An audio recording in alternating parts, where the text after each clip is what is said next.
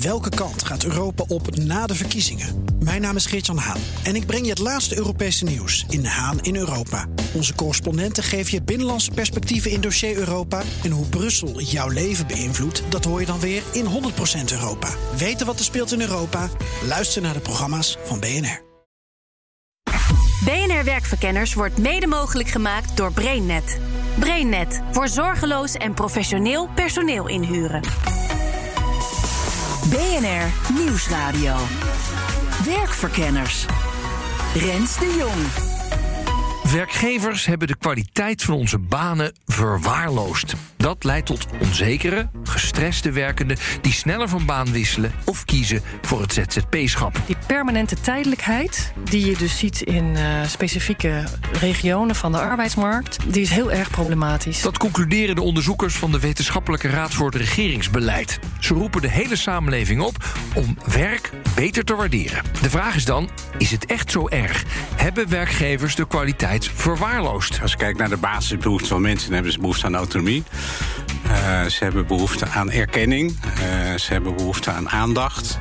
En uh, ze hebben behoefte aan zingeving. Dat zijn eigenlijk de belangrijkste dingen. Nou, als je kijkt naar heel veel organisaties... zijn op al die aspecten eigenlijk vatten wat uh, te zeggen dat het niet helemaal goed gaat. Nou, in ieder geval lag de aandacht niet waar die moest zijn. Je zou kunnen zeggen dat we heel veel aandacht hebben gehad voor werk, werk, werk.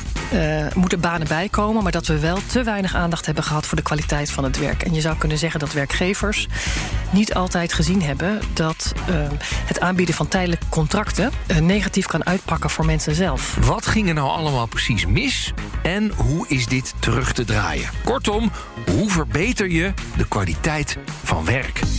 Werkverkenners.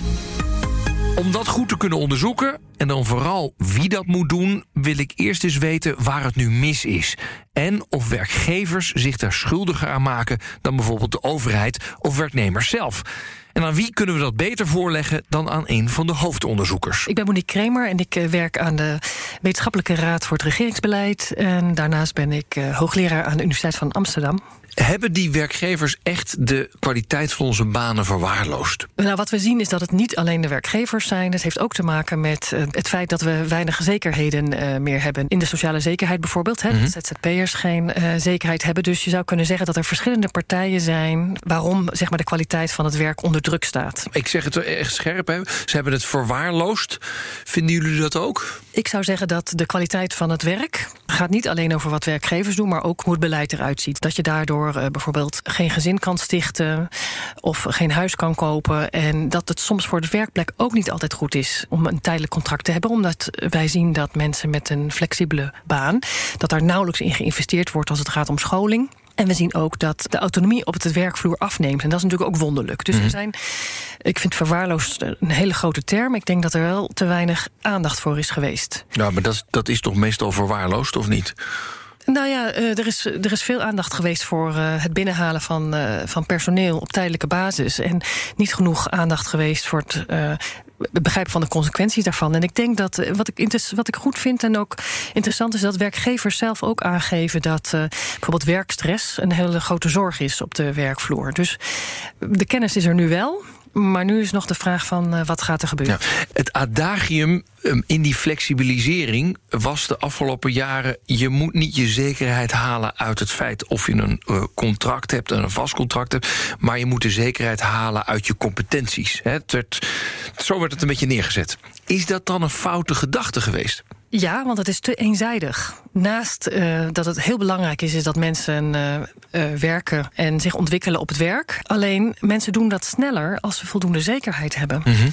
Dus als je een vast contract hebt, ben je veel meer geneigd om nieuwe ideeën aan te dragen.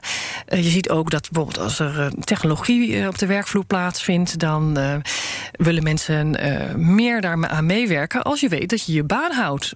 Wij zeggen de kwaliteit van het werk is drie dingen grip op geld en zekerheid. Grip op je werk zelf, dus voldoende autonomie en verbondenheid op het werk. En grip op je leven. Dus dat je ook je werk kan afbakenen.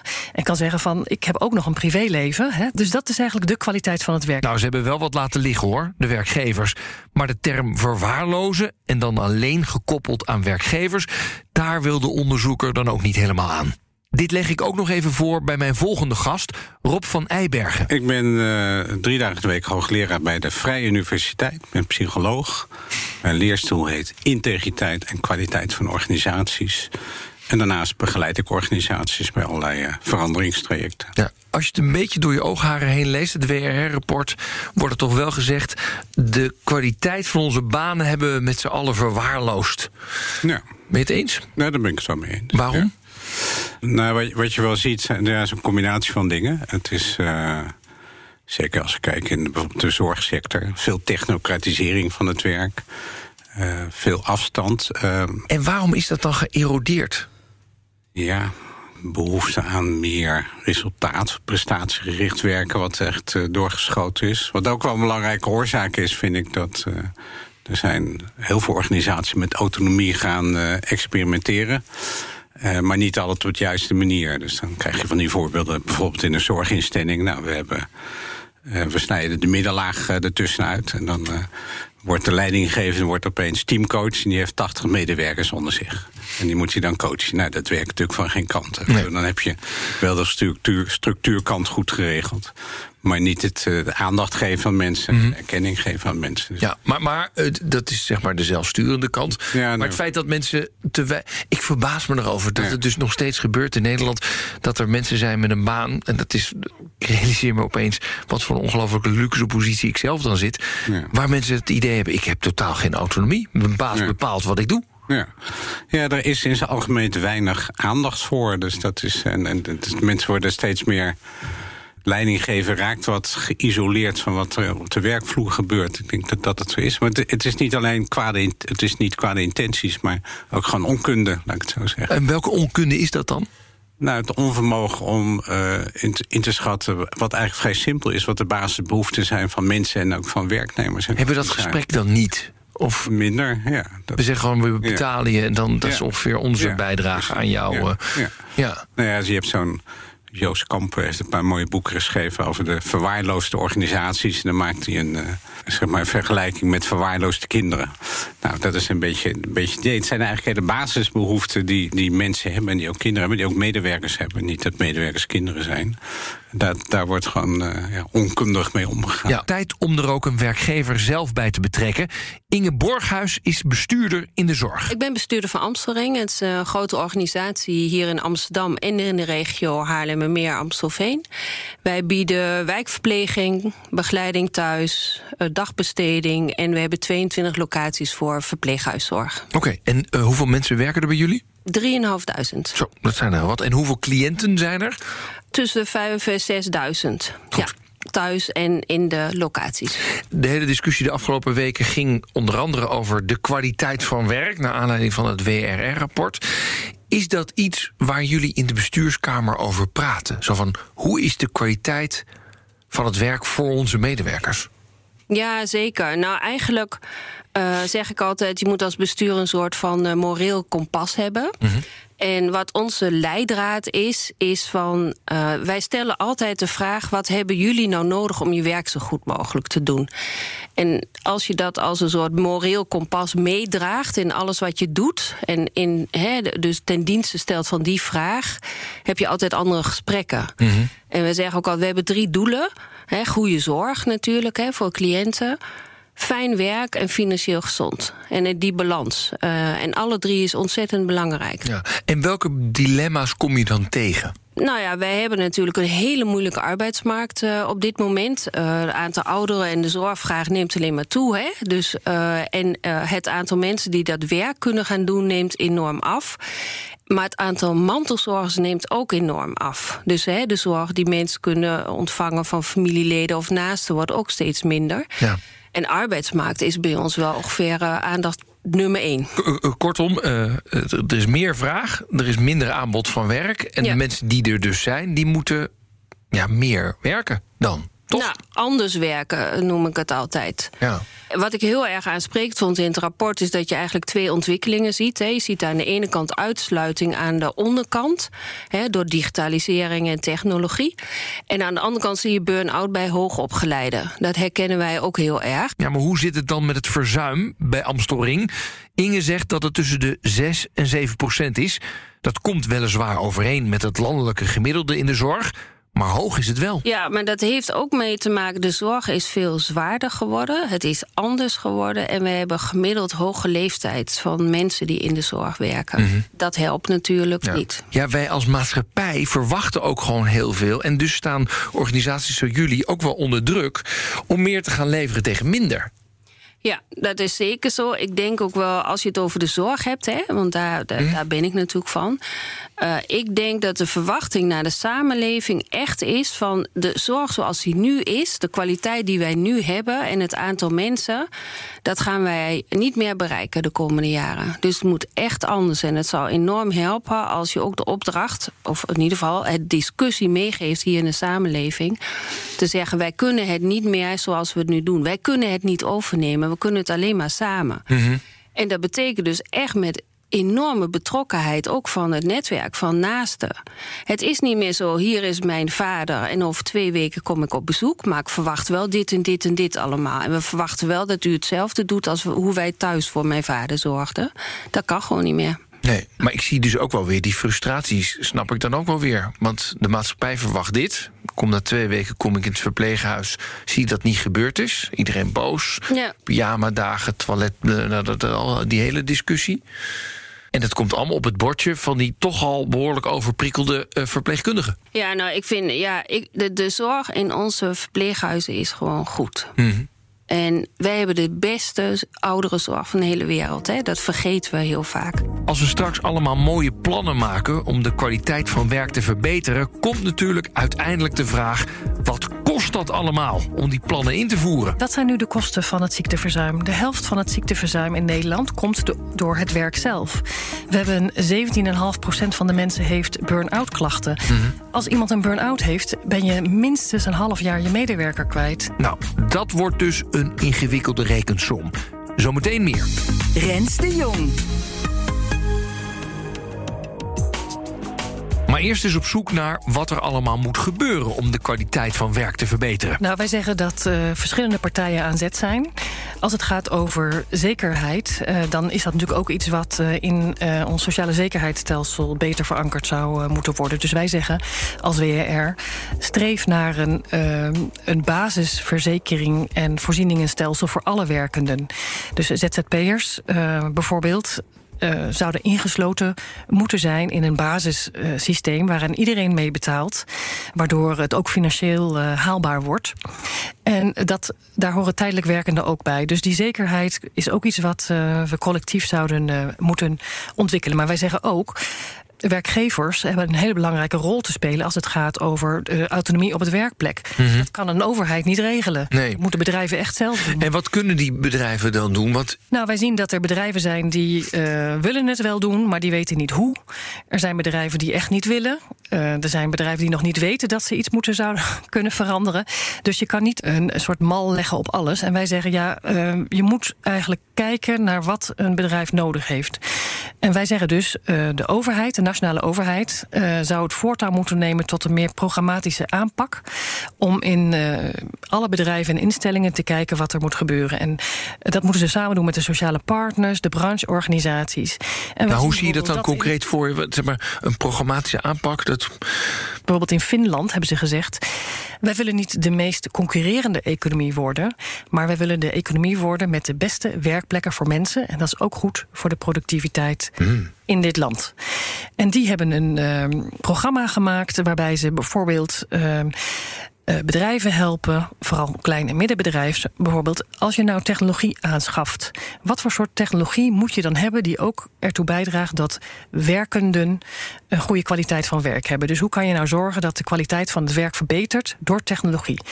En dit is dus een kennisvraag en iets waar de overheid bij zou kunnen helpen. Dus dat is een één ding. Een andere is waar je aan kan denken, is dat. ehm, uh, bedrijven ook wel meer gestimuleerd zouden kunnen worden door bijvoorbeeld te zeggen: je moet publiceren in je jaarverslag, op andere manieren, wat de kwaliteit van het werk is in jouw bedrijf. Dus laat maar zien wat je doet op het terrein van grip van geld grip op het werk zelf en grip op het leven. En dan zul je zien dat een heleboel um, mensen ook in zo'n bedrijf wel graag zouden willen werken. Dus wij vinden ook dat zo'n transparantie, benchmarking een heel goed idee. Ja, leg maar verantwoording af over wat jij allemaal doet om het werk voor je medewerkers zo goed mogelijk te maken. Maar dan Werkdruk blijft een probleem, merkten de onderzoekers ook in de praktijk. Als je bijvoorbeeld een dag meeloopt in de thuiszorg, uh, dan zie je wel dat uh, mensen niet voldoende grip hebben op het werk. Um, uh, vroeger was het misschien zo dat je vier cliënten had in een ochtend, nu heb je er elf. je hebt je telefoon op zak en ehm, je kijkt daar voortdurend op naar welke volgende cliënt je moet gaan. En ehm, je probeert aan die, degene waar je bent niet duidelijk te maken dat je, dat je weer weg moet. Dus zij zeggen dan tegen je van... Uh, kijk nooit op mijn klok, want uh, dan hebben mensen het gevoel... dat we de hele tijd haast hebben. Ja, dat kijken op die klok niet doen. Maar ja, je wilt toch weten hoe lang je nog hebt tot de volgende cliënt. Vraag me af, herkent Inge Borghuis dat probleem in haar thuiszorgorganisatie? Nou, werkdruk is natuurlijk wel heel belangrijk. Als jij het gevoel hebt dat je nooit goed genoeg voor je cliënten kan zorgen, daar heb je enorm last van. En mensen in de zorg hebben een grote mate van verantwoordelijkheidsgevoel. Mhm. Maar als je mensen vraagt, wat vind je nou echt belangrijk in het werk, dan gaat het bijna nooit over geld. Terwijl dat wel natuurlijk wel belangrijk is, hè, die zekerheid. Maar het gaat er altijd om: heb ik fijne collega's? Hè? Kan ik mijn zorg delen? Kan, hebben we wat voor elkaar over? En heb ik ruimte om dat te doen wat nodig is? En dat laatste is ook heel belangrijk. Dus maar, dat laatste is interessant. Heb ik ruimte om te doen wat nodig is? Daar zit natuurlijk een spanningsveld. Want je hebt, je, laten we zeggen, je hebt duizend mensen die verpleegd moeten worden. Je hebt uh, eh, 200 verpleegkundigen. Nou, dan kan je uitrekenen dat die er vijf moeten doen. Nou kan het zo zijn dat een paar zeggen... ja, maar ik heb niet voldoende ruimte om te doen wat ik denk dat nodig is. Dan is de vraag, moet diegene zijn beeld bijstellen... of moeten jullie meer mensen toevoegen? Of, weet je, daar nou, zit natuurlijk het dilemma Als je naar een wijkverpleegkundig team kijkt... Uh, die bepalen zelf welke en hoeveel cliënten zij aankunnen. Want zij kunnen dat bepalen. Want de ene cliënt heeft een aantal uren per week nodig... en de ander maar één uur per week. Hè? Sommigen zijn bij ons natuurlijk aan het overlijden. Is heel intensief. Teams bepalen dus zelf hoeveel cliënten zij aannemen. Maar we hebben wel een soort van norm. Je moet in ieder geval twee derde van je tijd moet je cliëntgericht werken. Dus dat mhm. betekent, daar staat gewoon geld tegenover. Dat snappen zij heel goed. Wij gaan die productiviteit niet opschroeven naar, ik zal maar zeggen, 80 procent. Dus op het moment dat het team zegt, wij zitten vol, want wij kunnen dat er niet bij hebben, zeggen ze nee. En, en hoe werkt dat voor jullie? Ja, goed teams begrijpen dat heel goed. Maar ze moeten natuurlijk dan wel beschikken over voldoende wij noemen dat even sturingsinformatie. Hè? Dus ze moeten zelf, hebben zij een dashboard waarin ze zelf kunnen zien... we hebben zoveel cliënten, we hebben zoveel uren. Oh, misschien moeten we wel even wat bij hè, aan uren. Mhm. Of we hebben momenteel een hele goede stagiaire die wat meer kan doen. Teams zelf kunnen heel goed inschatten wat ze aan kunnen. Hoe ga je dan om als er meer aanvragen binnenkomen? Nou, dat is natuurlijk wel echt een punt. Hè? Ja, Want, uh, daar, zit, daar, gaat het schuren. Nou, wat wij doen is, uh, dan probeer je natuurlijk altijd iemand door te verwijzen... bijvoorbeeld naar een ander team, wat wel tijd heeft, of naar een andere zorgaanbieder. En lossen we daar dan het probleem mee op? Nee, je hebt natuurlijk ook capaciteit nodig. Hè? Je hebt meer mensen nodig die zorg kunnen verlenen. En daar zijn meerdere oplossingen voor mogelijk. Hè? Daar zetten wij ook volop in. Dus wij uh, leiden heel veel mensen op. Ook mensen zonder uh, een, een, zorgachtergrond. Hè? Dus uit de bouw, bedrijfsleven, die bij ons uh, zeg maar als leerling in kunnen stromen. Wij hebben in de verpleeghuizen mensen werken op de huiskamers zonder zorgdiploma. En het criterium is: je moet van oude mensen houden. En dan krijg je zeven dagdelen scholing. Wij zetten ook technologie in. Uh, dat mensen, bewoners, zelf kunnen lopen, uh, maar dan hebben ze een sensor. En ik denk dat technologie sowieso ook wel meer gaat helpen, ook thuis. Hè, want je kunt ook prima begeleiding en advies op afstand geven via het scherm, bijvoorbeeld, zonder dat je er naartoe moet. Dus er zijn meerdere mogelijkheden om naar deze problematiek te kijken. Want dat het een probleem is, dat is wel duidelijk. En hoe het zit met zelfsturende teams of zelforganiserende teams, zoals Inge het liever noemt, Ja, daar is heel veel over te doen. Maar was dat niet een modegril die helemaal niet bleek te werken? Als je dit echt wil, dan moet je je hele organisatie ten dienste stellen van dat proces. En dat gebeurt heel vaak niet. Geef eens een voorbeeld hoe dat dan mis kan nou, gaan. Als je bijvoorbeeld zegt, nou, we halen de managers weg en jullie zijn nu fijn zelfsturend, want dat willen jullie graag, hè? En, maar je laat al het management intact. Je laat alle bureaucratie intact. Je laat alle ondersteunende afdelingen intact. En je hebt niet de focus op dat primaire proces, ja, dan gaat het alleen maar frustreren. Dat gaat natuurlijk niet werken. Hebben jullie deze fout in het begin ook zelf gemaakt of niet? Nou, in de wijkverpleging niet. Het ging echt heel goed. Daar zitten ook over het algemeen wat meer ondernemende mensen, hè, die gewend zijn om alleen te werken op de fiets en het op te lossen. Binnen de verpleeghuizen ligt dat echt wel complexer. En uh, daar moet je echt. Wij zeggen in het leiderschap en in de ondersteuning zeg je, uh, je geeft ruimte waar het kan. Je gaat eigenlijk uit van een heel positief mensbeeld. Ze kunnen het. Maar je bent dichtbij als het nodig is. En dichtbij kan heel verschillend zijn. Het kan coaching zijn, scholing, even wat meer coördinatie, even wat overnemen. Dus, uh, en dat moet je wel doen. Eigenlijk is het allemaal niet zo heel moeilijk. Je hoeft maar naar één ding te kijken. Naar die basisbehoeften van mensen. Zo, ja, ik kan het niet ingewikkelder ingewikkeld maken dan het is. En dus zorgen dat mensen. Uh, mensen vinden het helemaal niet erg om hard te werken. Ook niet met problemen geconfronteerd te worden. Maar het wordt frustrerend als ze het niet zelf kunnen oplossen. Nou, organiseer je werk zo dat mensen het wel kunnen oplossen. En zorg dat, weet ik veel, een medewerker van een callcenter niet alleen een protocollijstje kan afdraaien, maar ook gewoon antwoorden kan geven op vragen die gesteld worden. Ja. Dat is motiverend. Heel, ja. Eigenlijk heel Eigenlijk simpel. simpel. Ja. Even een paar dingen over, het, over dat rapport. Uh, ik vind het wat pessimistisch, want ik, ik zie heel veel positieve trends in, in, bij organisaties waar wel positieve dingen gebeuren. Mm -hmm. Zowel het bedrijfsleven als private sector. Wat zie je dan? Wat zie je dan? Die zegt dat zien ze over het hoofd? Uh, nou ja, zij, zij zeggen over de overheid dat het daar niet goed gaat qua kwaliteit van het werk te maken heeft met nieuw public management. Nou, er zijn heel veel overheidsorganisaties die heel erg aan het experimenteren zijn van andere manieren met elkaar samen te werken. Dus ook meer autonomie te geven aan mensen. Volgens mij zien ze die trends over het hoofd. Er is natuurlijk een hele nieuwe generatie. Dat zie ik bij studenten op de universiteiten. Die op een hele andere manier naar de wereld kijken. Die hebben geen behoefte aan uh, auto's. Die willen liefst auto delen. Of die willen meer vrije tijd hebben. Dus die generatie, als je daarbij bij aansluit, denk ik het hoeft helemaal niet. Het is niet volgens mij niet een kwestie van meer geld. Het is meer op een andere manier naar de wereld kijken. Mhm. Mm -hmm. En de overheid kan er als werkgever wat aan doen, maar niet als zeggen we, nou, we gaan, jullie moeten meer autonomie geven aan mensen. Dat, dat, er is genoeg wetgeving voor. We hebben een goede Arbo-wet die ook kijkt naar het welzijn van mensen. Nou, het is geen kwestie van meer geld, hoorden we net. En daarmee komen we meteen bij het laatste punt. Want wie of wat gaan al die mooie plannen dan betalen? Als het aan de WRR ligt, gaan de 1 miljoen mensen die nu nog thuis zitten, maar die wel kunnen en willen werken, meedoen op de arbeidsmarkt. Ziekteverzuim kost inderdaad heel veel geld. En werkloosheid en verzuim terugdringen, dat levert juist heel veel geld op. Zo is de gedachte. De prijs die je nu betaalt is vrij hoog. Wij zien dat het, uh, als het gaat over uh, gezondheid en innovatie. Bovendien, wij zien uh, bedrijven die het wel doen en in dezelfde markt zitten, en bedrijven die het niet doen. Mm -hmm. Dus we moeten, en het gaat er ook om dat we natuurlijk allemaal een verantwoordelijkheid te dragen hebben. Hè? Um, als je kijkt naar bijvoorbeeld um, de distributiecentra. Je kan niet zeggen dat uh, daar de kwaliteit van het werk uh, centraal staat. Nee, uh, maar dat ja. is exact wat ik bedoel te zeggen. Als wij nog steeds zeggen, wij willen ons, al onze boodschappen thuis bezorgd hebben... maar het moet wel gratis, hè, als maatschappij... en dat is natuurlijk helemaal niet gratis... dan weet ik één ding wat gaat gebeuren. Dan gaat er druk op die distributiecentra komen. En dan vragen we dus af, zijn het die werkgevers die dit dus allemaal kunnen veroorzaken? Of is het, hebben wij dat met z'n allen als maatschappij gecreëerd? En kunnen ze bijna soms niet anders dan te zeggen... nou, het is laag opgeleid werk, het is onzeker... want er zitten pieken en zieken bij. Dus is het niet een beetje oneerlijk om alleen naar die werkgever te kijken? Wij kijken naar allemaal, alle partijen. Dus we kijken naar de overheid, we kijken naar de werkgevers... en we zeggen ook dat de consumenten ook een rol te spelen hebben.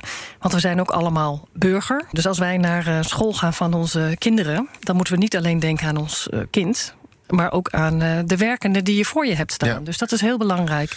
Ja, maar, maar, dat betekent dus dat wij als consumenten af en toe ook niet voor de laagste prijs moeten gaan. Overheid toch? ook, bij de aanbestedingen van de overheid ook. Dat je niet alleen gaat naar uh, de prijs, maar ook naar de kwaliteit van het werk van de ander. Ja, ja. Dus krijg je dan eigenlijk dat je dan uh, ook aan fabrikanten gaat vragen: hoe goed ben jij eigenlijk voor je personeel? Zeker, dat is een heel goed idee. Dus dat uh, kwaliteit van het werk meer centraal komt te staan, lijkt mij een heel goed idee. En met dat compliment zijn we weer aan het einde van deze werkverkenners gekomen. Conclusie: we moeten zorgen voor meer zekerheid. En we, dat zijn de overheid en de werkgevers. Autonomie is heel belangrijk. Daar ligt vooral de taak voor de werkgevers. Maar ook hier kan de overheid een belangrijke rol spelen door begeleiding te bieden en kennis te delen. En, heel lastig, maar ook noodzakelijk, de werkdruk moet minder. Dat kan allemaal door mensen van de bank te halen en aan het werk te krijgen. En dat levert ook meteen veel geld op.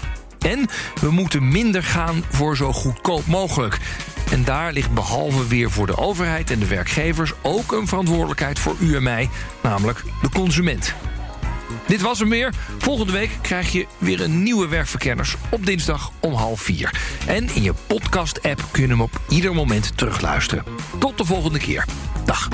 BNR Werkverkenners wordt mede mogelijk gemaakt door BrainNet. BrainNet voor zorgeloos en professioneel personeel inhuren. Ook Harm Edens vind je in de BNR-app. Je kunt BNR Duurzaam niet alleen live luisteren in de app, maar ook terugluisteren als podcast, zoals al onze podcasts. En naast dat de BNR-app Breaking News meldt, houden we je ook op de hoogte van het laatste zakelijke nieuws. Download nu de gratis BNR-app en blijf scherp.